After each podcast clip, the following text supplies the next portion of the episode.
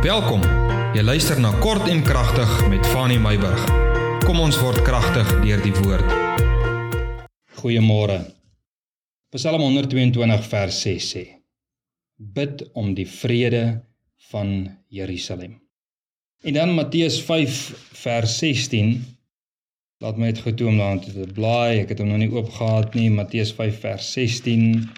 Ons almal ken die skrifgedeelte. Hy sê laat die hele lig so skyn voor die mense dat hulle julle goeie werke kan sien en julle Vader wat in die hemele is verheerlik. Nou hoe loop hierdie twee skrifte hand aan hand? Jy weet na aanleiding van die oorloë in ons wêreld en spesifiek in Israel wil ek graag 'n gedagte of twee met jou deel. As Christene wat God se woord in ag neem, wil ons gehoorsaam wees aan God se opdragte en wat God sê. En daarom soos wat Dawid pleit, pleidooi rig en vir ons sê bid om die vrede van Jerusalem, wil ons dit graag doen en dit doen ons. En daarom is dit ons Christelike plig dan om te bid vir Israel en spesifiek vir Jerusalem soos wat die woord van die Here sê. Spesifiek nou in tye van oorlog glo ek dat hulle gebed baie nodig het. Dit is tye van geweldige druk op gesinne, onsekerheid, geliefdes wat hulle lewens verloor. Uh geweldige finansiële onstabiliteit nê. Nee. Ek kan net dink die emosionele impak wat dit op mense het en alles wat maar gepaard gaan met oorlog nê. Wat die meeste van ons, in elk geval ek, geen benul van het. Veral omdat ek ook in Suid-Afrika bly nie. Ons ken nie oorlog my generasie ken nie eintlik oorlog nie. Maar ons harte gaan uit en ons gebede ondersteun die wat wel deur oorloë moet gaan en dan nou veral ook in die geval met Israel spesifiek. Dis my een gedagte, maar ons moet ook dink. Dis die volgende gedagte aan die ander kant van die muntstuk ook. Want daar is aan die ander kant van Israel aan Israel se teeparty se kant is daar mos nou ook Christene En dan beteken dit tog ons kan nie net bid vir die vrede van Jerusalem nie. Ons kan nie net bid vir Israel nie. Hoor jy my hart? Hoor jy my gedagte?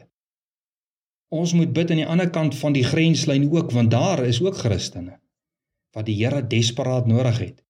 Daar is ook Christene wat hulle lewe verloor. Daar is ook Christene wat finansiëel in krisisse beland wat ook nie die nodige middele het as gevolg van die oorlog nie. Maar dan ook Ons moet ook nie net bid vir Christene nie. Ons moet ook bid en hulp uitdeel aan die wat nie Christene is nie. En daarom praat praat ek met jou vanmôre oor bid en breek die brood vir almal. Maar ons moet bid vir die gewone mense wat ook die prys betaal vir politiekery en verskille oor beginsels of dit dan nou geestelik of polities van aard is. Alhoewel ons steun primêr vir Israel is, moet ons steun primêr vir die medegelowiges wees aan watter kant van die grenslyn hulle dan ook mag val. En dan ook teenoor die ongelowiges. Jesus maak dit duidelik dat Christen gelowiges lig en sout is en dat ons nie ons geloofsbeginsels moet wegsteek as gevolg van bitterheid of woede teenoor ongelowiges nie. Maar juis ons lig laat skyn deur goeie werke wat die bewys is dat die hemelse Vader tog sorg dra vir alle mense. Deur 'n helpende hand, 'n sienende oog en 'n luisterende oor en 'n kompassievolle hart te wees, is tog die klinkklare bewys dat ons God se kinders is.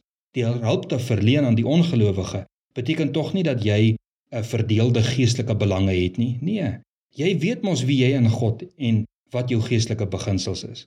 Dis juis omdat jy jou God ken en jou geestelike beginsels verstaan dat jy uitreik na die uh, selfs in jou vredevolle land wat hulp desperaat nodig het.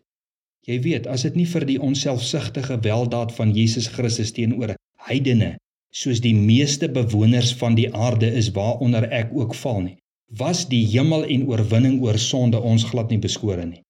So laat ons versigtig wees met oordeel en uit dankbaarheid genade vorentoe bewys.